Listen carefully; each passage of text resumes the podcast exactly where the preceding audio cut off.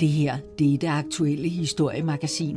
Det er her, vi besøger museer og mennesker, der formidler den danske kulturarv og historie. Mit navn er Liv Thomsen, og sammen med min redaktion drager jeg ud i landet for at dække udstillinger, medier, bøger og forskning. Alt det nye, der formidler alt det gamle.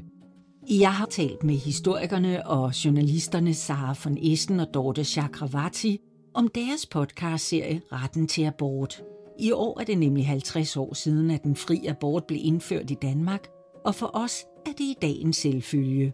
Desværre gælder det ikke for mange andre i verden. Velkommen til Liv i Historien. Sara von Essen og Dorte Chakravarti har skabt en podcastserie, der er noget af det mest vedkommende og lytteværdige, jeg har hørt længe.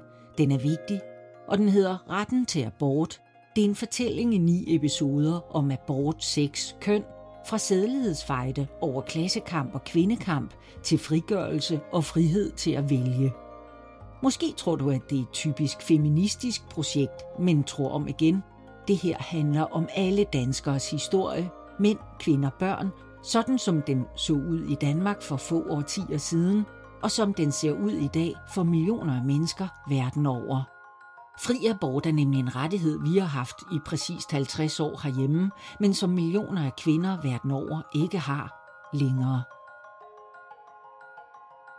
Jeg hedder Sara von Essen. Jeg arbejder som romance-redaktør på forlaget Flamingo, som hører til Gyldendal. Jeg er også historiker og journalist.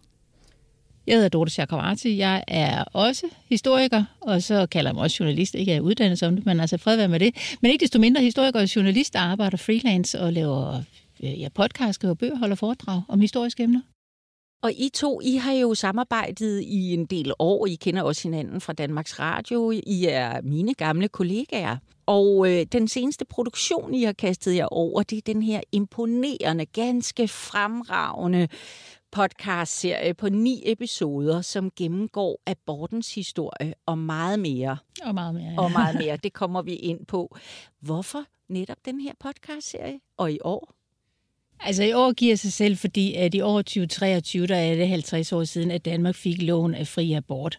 Og forhistorien til, at Sara og jeg har kastet os ud foran to mikrofoner for at fortælle den her historie om, hvad det er, der fører frem til beslutningen, øh, den lovmæssige beslutning der i 73, jamen det begyndte egentlig med et bogprojekt, som så strandede, og så stod vi der med et manuskript og tænkte, hmm, der er alligevel nogle gode bidder og nogle gode lunser, og hvad skal vi gøre?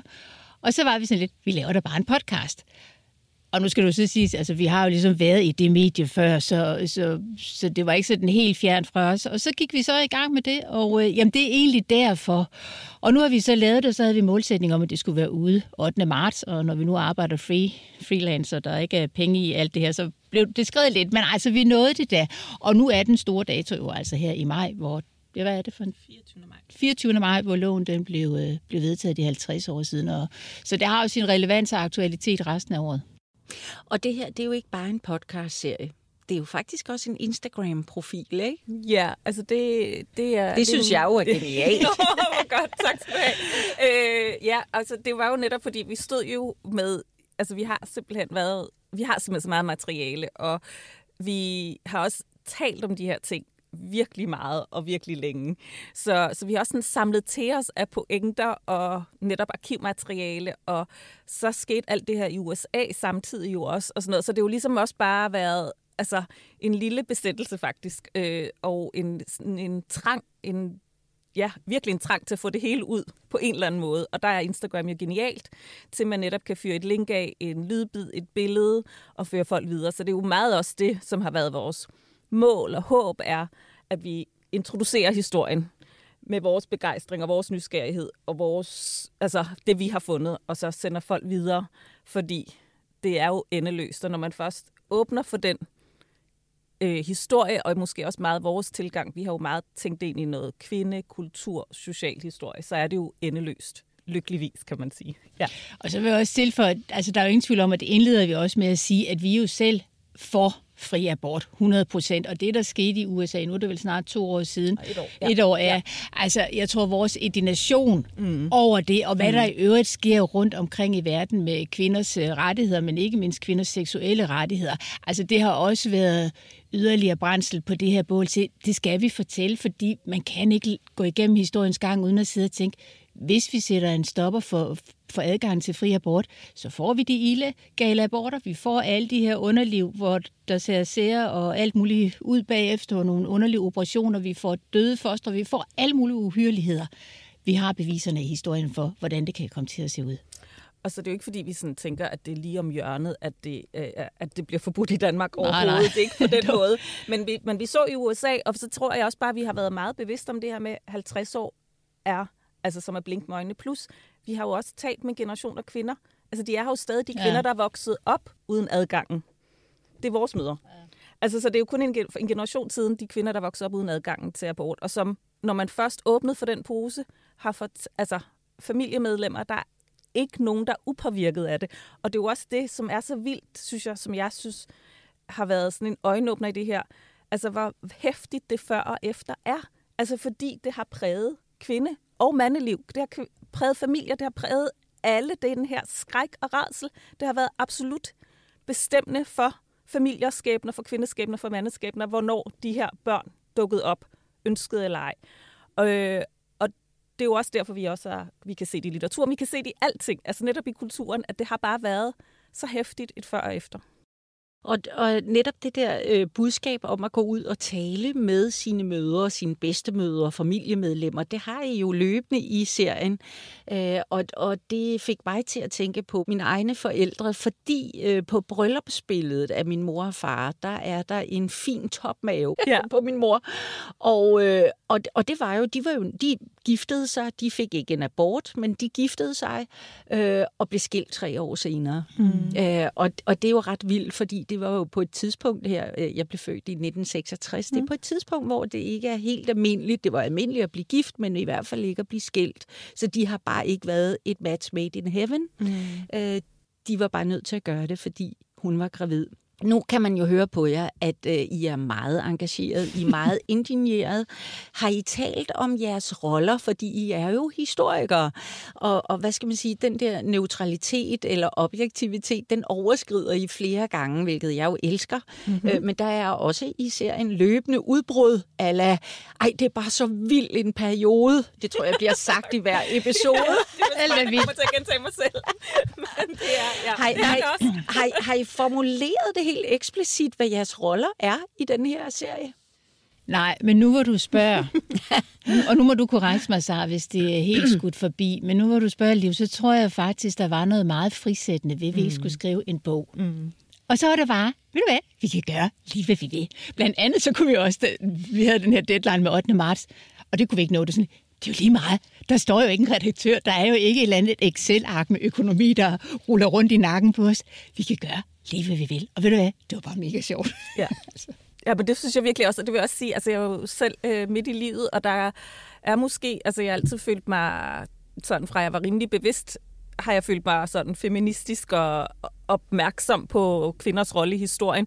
Men netop de her sidste år, MeToo, alle de her, altså der er helt klart kommet en, en, en vredere indignation i mit liv, og, og det har været enormt fedt, også inspireret af yngre historikere, og altså føle, altså vi har også talt om, altså jeg har aldrig været aktivist, men det her er også et aktivistisk indslag. Det er måske vores måde at være aktivistiske på, og det har været virkelig, netop som Dorte siger, det er så fedt, og det er også enormt dejligt også at frisætte sig fra det der akademiske, sådan både overargumentere fra den ene og på den anden side. Det er så dejligt også at kunne melde ud, som vi gjorde i første afsnit. Det her, vi ved godt, hvis side vi er på her.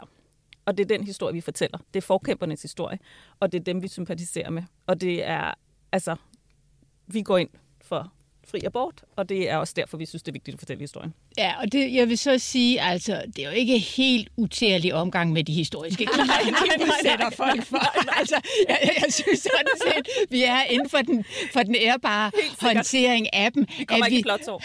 Nej, nej det kan... Altså, så på den måde, det vi fortæller, det er faktisk øh, abortens øh, ABC, men når vi lige præcis fravalgte modstanderne, så tror jeg egentlig også, og det ville jeg også have kunne gjort som en, som en rigtig sådan historisk bog, Altså, modstandernes kamp, den er egentlig meget den samme. Der er ikke det samme udviklingsforløb i det. Der er ikke den samme fremdrift. Den er interessant, og jeg håber, der er nogle andre, der vil tage den. Øh, hele det her meget konservative, kirkelige, kristelige argument imod abort, rasende interessant. Det var bare ikke der. Der er noget andet ved ja De stempler meget mere ind i nogle forskellige tidsperioder. Og dem, det, det får vi altså serveret ved at kigge på dem. Så ja, vi er mega engagerede, vi elsker det her materiale, vi har siddet med, men altså, jeg, jeg bliver nødt til at fastholde, jeg synes også, vi har jo. behandlet dem super. Helt sikkert, og ja. Jamen, jeg tror nemlig også, undskyld, så nu kan jeg bare høre, hvor I vi er. Altså det her netop med, at det er personlige skæbner, og der er jo nogle af de her kilder, vi sidder med, for eksempel de her breve, som øh, kvinder i nød har skrevet til Jonathan Løgnbak der i mellemkrigsperioden. Ikke? Altså, jeg ved fandme ikke, hvad man skal være gjort af. Ligegyldigt, hvor mange år man har gået på uni for ikke at blive påvirket af det. Ikke? Det er jo også det. Ja. Og plus at I, I, I bruger jo sådan et af de helt elementære, klassiske greb, som jeg også altid bruger, nemlig kronologien. Mm. Og der vælger I faktisk at gå ret langt tilbage. Øhm, I, siger selv, at I vil skildre øh, perioden fra tavshed og skam til råben og skrigen, mm. og det må man sige, I gør. vi, vi, vi begynder jo helt tilbage til sædlighedsfejden i slutningen af 1800-tallet, hvor ingen nævner abort med et ord. Mm. Og det handler jo meget om det her med, at vi jo også synes, at kampen for fri abort handler om kampen for kvinders kamp for at få lov at være et seksuelt væsen. Altså at have, få den stemme. Kampen for seksuel, kan man sige, uafhængighed, autonomi. Øh, og der er det jo interessant i sædlighedsfejden, fordi det er overhovedet der, man overhovedet begynder at tale. Altså det er den første offentlig debat om seksuel moral. Og netop hele abortdebatten stemte netop ind i det. Det bliver jo ikke sagt, men det er jo virkelig, vi synes, at det også var der, man kunne se, at man overhovedet begyndte at sætte ord på, hvem der skulle have lov at knalde med hvem hvornår. og det handler det jo virkelig også om, fordi den her retten til abort er jo også del af en frigørelseshistorie. Og det synes jeg, vi var virkelig interessant at overhovedet også, altså tale om en periode, hvor kvinder faktisk også bliver del af en offentlig debat. Og igen, det er ikke dem, der taler for. Det er det også, men det er jo i høj grad øh, også kvinder, der bliver straffet for at tale om fri sex, fri i gåsøjne. Øh, og det kan vi jo også se, altså slutshaming er en gammel sport, og det, altså, det synes vi også var interessant at, at, at, at trække de tråd tilbage, og så tale. Det er jo svært at komme uden om gode gamle Geo Brandes. når man, han er alle vegne. Han er bare alle vegne. Men jeg synes virkelig, så det var, sådan, det var ideen med at, at, at trække det, gå helt tilbage til de virkelig gamle dage.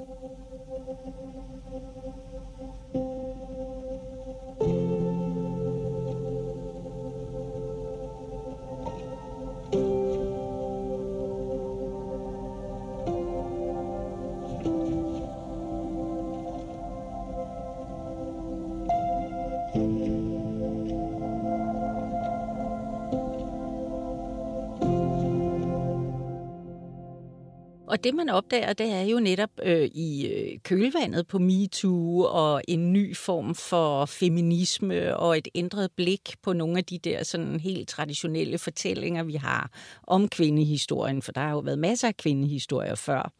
Øh, men det er jo, at man opdager, at der er langt flere paradoxer, end, end man umiddelbart skulle tro. Blandt andet omkring sædlighedsfejden, hvor øh, det er mændene, der gerne vil have den frie sex, og kvinderne ikke vil have mm. det.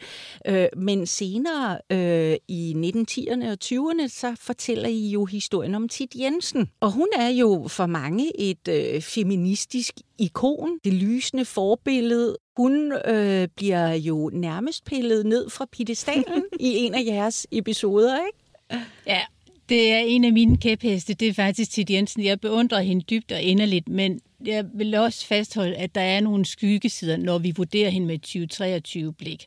Og en ting er, at jeg derhjemme lige nu sidder og arbejder med tjenestepiger. Altså, Tid Jensen hader tjenestepiger, hun hader underklassen. Det må vi bare sige. Hun synes bare, at de skulle tage sig sammen og opføre sig ordentligt, og så skulle de få et bedre liv, som helst skulle ligne hendes.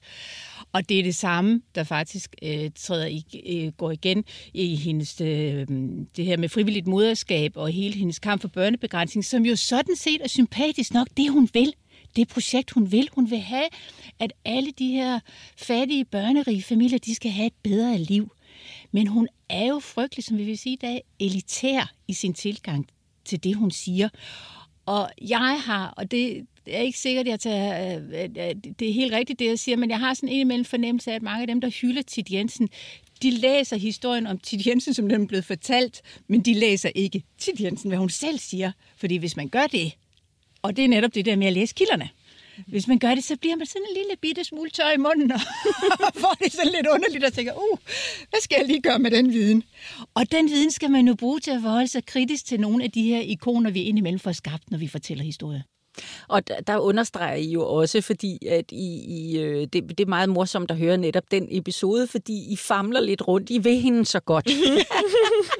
Men netop kilderne siger det modsatte, ja, ikke? Altså, taler bare så meget imod det, ikke? Øh, jeg har selv haft den oplevelse med hende. Men, men I når jo så også frem til, at man må også prøve at forstå konteksten, ikke? Altid. Og historien. Øh, og, og det er jo grundlæggende også budskabet, at der er to slags feminisme. Der er den, der herskede i 1920'erne, og så er der den, der herskede mennesker i dag. Ikke? Mm. Ved du hvad, jeg skrev om Tid Jensen første gang i mit speciale, og det er snart 20 år siden, hvor jeg blev opmærksom på det her. Og øh, så sidenhen, så tænker jeg, det her speciale, og det handlede om børnebegrænsning, der er mellemkrigsperioden, så tænker jeg, det skal jeg arbejde videre med. Og øh, min egen mor, som er født i 38, hun er sådan en børnerig familie op fra Farsøområdet, hvor Tid Jensen også var fra. Og så spurgte jeg og hun en af... kom jo også fra en meget, meget, meget børnerig Ja, lige familie. præcis, ja. Og så, spurgte, så spurgte jeg så en af mine utallige moster, så siger jeg, jeg begriber ikke, og hun var født der i begyndelsen af 30'erne, så siger jeg, jeg forstår ikke, hvordan kunne det være, at min mor skulle have alle de her unger? Prøv at høre, der var seksuel oplysning. Tid Jensen, hun, hun var ude, hun gjorde alt muligt. Og så siger min moster, åh, mor, hun kunne ikke fordrage Tid Jensen.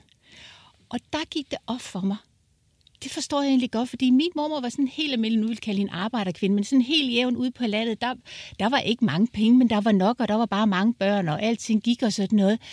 Men lige pludselig kunne jeg godt forstå, hvorfor hun ikke kunne fordrage til Jensen, fordi hun havde jo talt ned til hende og sagt, ved du hvad, du har alle dine unger, dit liv er ikke godt nok.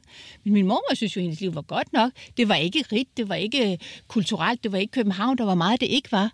Men det var et godt liv, og du havde sunde og børn, som alle sammen kom godt i vej. Og det var, det var virkelig turning point for mig, det her med Tit Jensen. Det er den her forståelse af, jamen, hvem, hvem er hun, og hvordan blev hun set i sin tid. Og det er også det, når vi siger, at vi skal forstå hende i hendes tid. Ja, ja, men vi skal også forstå, at hun taler med elitens stemme. Der er også den anden stemme, og det er ligesom, når vi i dag sidder og siger, det var en anden tid. Ja, ja, ja, det var det, men det, den anden tid var ikke kun den dominerende stemme. Det var også, hvad skal vi sige, øh, mindretallet, underklassen, hvad vi vælger at kalde dem, det er også en stemme, og dem skal vi også lytte til. Og det gør jeg nemlig også, fordi at øh, der er en af episoderne, der handler om arbejderkvinderne. Og nu skal vi ikke ned i dybden. Vi skal altså ikke ind og stjæle indholdet. Så må folk selv finde den podcast. Og, og man skal give sig selv den kæmpe fornøjelse at tage hele turen fra episode 1 til op. Men vi skal lige forbi det der med arbejderkvinderne, og hvad der egentlig sker i den store festsal på Arbejdermuseet, og det fokus, I har på de kvinder. Lad mig høre, hvorfor? Jamen, det er det her med at trække nogle af de stemmer frem, som så som ikke så ofte får lov til at tale. Og vi kan godt sige, at det her med arbejderkvinderne, grund til, at vi tog det med, det var faktisk, at jeg blev opmærksom på, at der ligger rigtig meget. Jeg havde godt nok hørt om det, og bla bla bla. Men så møder jeg Rikke der, som også fortæller, Rikke Lige Halberg, som er museumsinspektør, og hun kunne bare folde ud derinde på Arbejdermuseet. Og det er egentlig, altså igen, så er det det her med at få lov til at åbne porten ind til en historie, som jo, den ligger der, der drøbviser nogle steder og så videre, hvis man virkelig er interesseret. Men faktisk at få lov til at folde den ud og igen præsentere viden af de her stemmer. Det er ikke kun Sid Jensen. Det er ikke kun den her, hvad skal man sige, veluddannede øh, overklasse, som udtaler sig om det her emne for eller imod. Der er også nogen, som virkelig er berørt af det. Det her, det er deres liv og som skal navigere i et liv med rigtig mange børn og rigtig mange illegale aborter og alt det, der dertil hører. Og der er øh, Arbejdermuseet bare et fantastisk sted til at få belyst nogle sider af Danmarks historien, som, jeg vil ikke sige, vi glemmer at fortælle dem, men altså, nogle gange er det bare nogle dominerende, andre dominerende stemmer, der kommer til, ikke? Og, og I er jo faktisk også i arresthuset inde i København. altså, I er jo rundt omkring. Det er ikke kun hjemme på Frederiksberg, eller hvor I har optaget køkkenbordet. hjemme på Frederiksberg. Nej, lidt vi er faktisk også i Sønderjylland. Ja, det er jeg nemlig. Ja, ja. ja. Vilde ja. ja, ja. præcis. Ja. ja, men vi er i arresthuset, fordi vi også synes netop, det var et, et godt sted også at fortælle historien om netop en, en en tid, hvor der bare var for mange børn, og det var så der, hvor englemærsken, der må overby sad, og, øh, og som jo var plejemor, og dræbte, de, dræbte en god håndfuld af de børn, hun fik i pleje, i hvert fald blev dømt for en god håndfuld. Vi ved jo ikke, hvor mange det egentlig handlede om. Men det var også lige så meget for at bruge den helt hårdrejsende, forfærdelige historie til at fortælle netop om desperationen hos de kvinder, der får de her børn. Og igen om skammen, som jo den her tavshedskultur, der har ligesom ført det her, haft det her destruktivt, haft det her destruktive spor, ikke? Øhm, og at, at, at en kvinde som hende jo også inden velfærdsstat og registrering og personnummer jo havde, altså kunne have, kunne tjene penge på den måde ved at tage uønskede børn ind. Men igen var vi også meget opmærksom på det her med, at det var jo en, en mor, der fortrød, der endte med at afsløre det hele. Så altså, følelser er jo også interessante som historiker, og netop også huske, altså jeg citerer hende meget ofte, min farmor, der sagde, I unge mennesker tror, jeg har opfundet sex. Vi har heller ikke opfundet mode og følelser og alle de her ting, men det er bare det, der er også interessant at, at prøve at, at navigere i som historiker, og utrolig besværligt, men altid bare huske på i hvert fald, netop som min salige, kloge farmor sagde, altså, folk finder ud af at dyrke sex, om de må eller ej. så hvis vi gør det, at vi så spoler tiden op øh, til øh, 1973. Vi har i jeres serie hørt en masse primærkilder, en masse øh, ulykkelige hændelser, begivenheder, øh, førstehåndsberetninger, øh, mor, kvaksalveri, øh, stor, stor ulykke. Mange, mange, mange danske kvinder og mænd har været ramt af det her, og børn også. Ikke? Så begynder det hele på en eller anden måde bare at eskalere. Der sker vildt meget i de sidste år. Ikke? Der er rigtig meget, som I siger, råben og skrigen. Og så bliver den fri abort besluttet den 24. maj. Det er en kæmpe festdag, skulle man tro, men I spørger flere af jeres medvirkende, og de siger, nej, der bliver ikke åbnet nogen flasker med champagne. Hvorfor tror I ikke? For det første, det, det tror jeg lige præcis er sådan noget, vi sagde, åh, oh, det var da fantastisk, og ja. tænk, så kom det, og så hejste de flaget og gik og sang i gaderne. Det her, det er jo bare en lovændring, og man har varmet op over flere år, og årtier næsten, og det er jo det, de siger alle sammen. Nå, men selvfølgelig, så faldt det jo bare i hak, og vi var ude af interviewe Helle Dein, og det har vi ikke med i, i, i, i serien. Men hun var sådan, Nå, der var jo også andre ting, der var jo også atomvåben, altså du ved, altså der var bare en portefølje af alle mulige store emner, altså man kunne ikke hejse flaget hver gang, at der skete et eller andet stort. Det er jo en del af det politiske virke, det er at køre noget, noget lovgivning i mål, og så går vi videre, så er der et nyt projekt. Det var en vild tid. det var nemlig en vild tid. Det er jeg glad for, at du siger, Liv. Det var en vild tid. Og det er altså også virkelig... Altså, vi har jo, igen, nu skal ikke komme med alle spoilerne, men der er bare en af vores medvirkende, der siger det der. Hun gik til gengæld ned og meldte sig ud. Hun fejrede det ved at melde sig ud af folkekirken, ikke? Ja. Fordi hun så præsterne sidde på, op i tilskuerrækkerne og, og slå korsets tegn, da loven blev vedtaget. Og det synes hun simpelthen, det ville hun ikke øh, betale til længere. Så hun fejrede ved at melde sig ud af folkekirken. Så det kan man jo også, det er også en måde at gøre det på, ja. Altså, nu har I jo allerede nævnt øh, USA, den altså øh, fuldstændig sindssyge udvikling, der er sket derovre. Øh, I nævnte også, hvor hurtigt det kan gå. Altså i gamle dage, der tog danskere til Polen for mm. at få abort. I dag er det vel polakker, der tager til Danmark, ikke? Hvad er grundlæggende jeres ønske med serien? Øh, hvorfor er den så relevant i dag? Altså, jeg tænker netop det her med, at, at ting går hurtigt, altså at ting ændrer sig, som vi ser i USA, som vi ser i Polen. Altså netop det her med, at danske kvinder rejser til Polen for at få aborter. Øh, vi kan ikke tage nogen rettigheder for givet. Øh, og øh, det er jo måske den aktivistiske del i det her. Altså det er sådan et... Øh, Altså igen, jeg tror ikke, det er lige om hjørnet, at øh, de her rettigheder bliver begrænset i Danmark overhovedet. Men igen, det er ikke en generation siden. Og med alle rettighedsspørgsmål skal man ikke tage dem for givet. Og det er, altså, så det er et, altså, nu helt op på den store kling, men det er et demokratisk oplysningsprojekt, vi har gang i. Ikke? En samtale gerne, og netop også en invitation til, at man snuser videre selv. Lige præcis, vi skal tale om det. Fordi der er jo nogle etiske dilemmaer, og den eneste måde, hvor vi kan bevare og forsvare de rettigheder, som vi synes er en del af vores demokrati, det danske demokrati, det er jo ved at være oplyste, det er ved at tale om det, det er ved lige præcis at gå til de rigtige kilder. Øh, det er at kende historien. Så ja, der er et opdragende oplysningsprojekt. Redselsfuldt nok. ja. Og det er I fornemme repræsentanter for. Hvis man gerne vil kende historien om aborten, så vil jeg varmt anbefale, at man finder podcasten, og den ligger vel på alle podcast-platforme. Den hedder Retten til Abort. Og jeg kan også varmt anbefale at supplere den med Instagram-profilen, hvor man kan se netop nogle af alle de kilder, I har brugt. Øh, der er links til den skønlitteratur, I læser op af, osv. osv. Og den hedder Abortåret.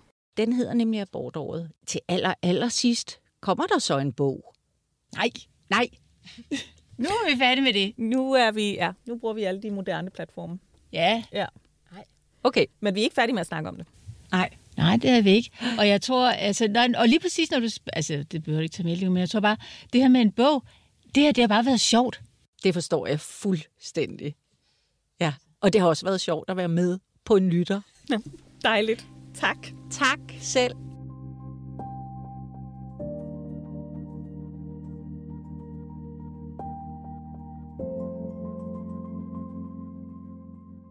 Det var alt for den her gang, men jeg kan forsikre dig om, at vi allerede er på farten med Røde Kalli og i gang med at producere næste episode.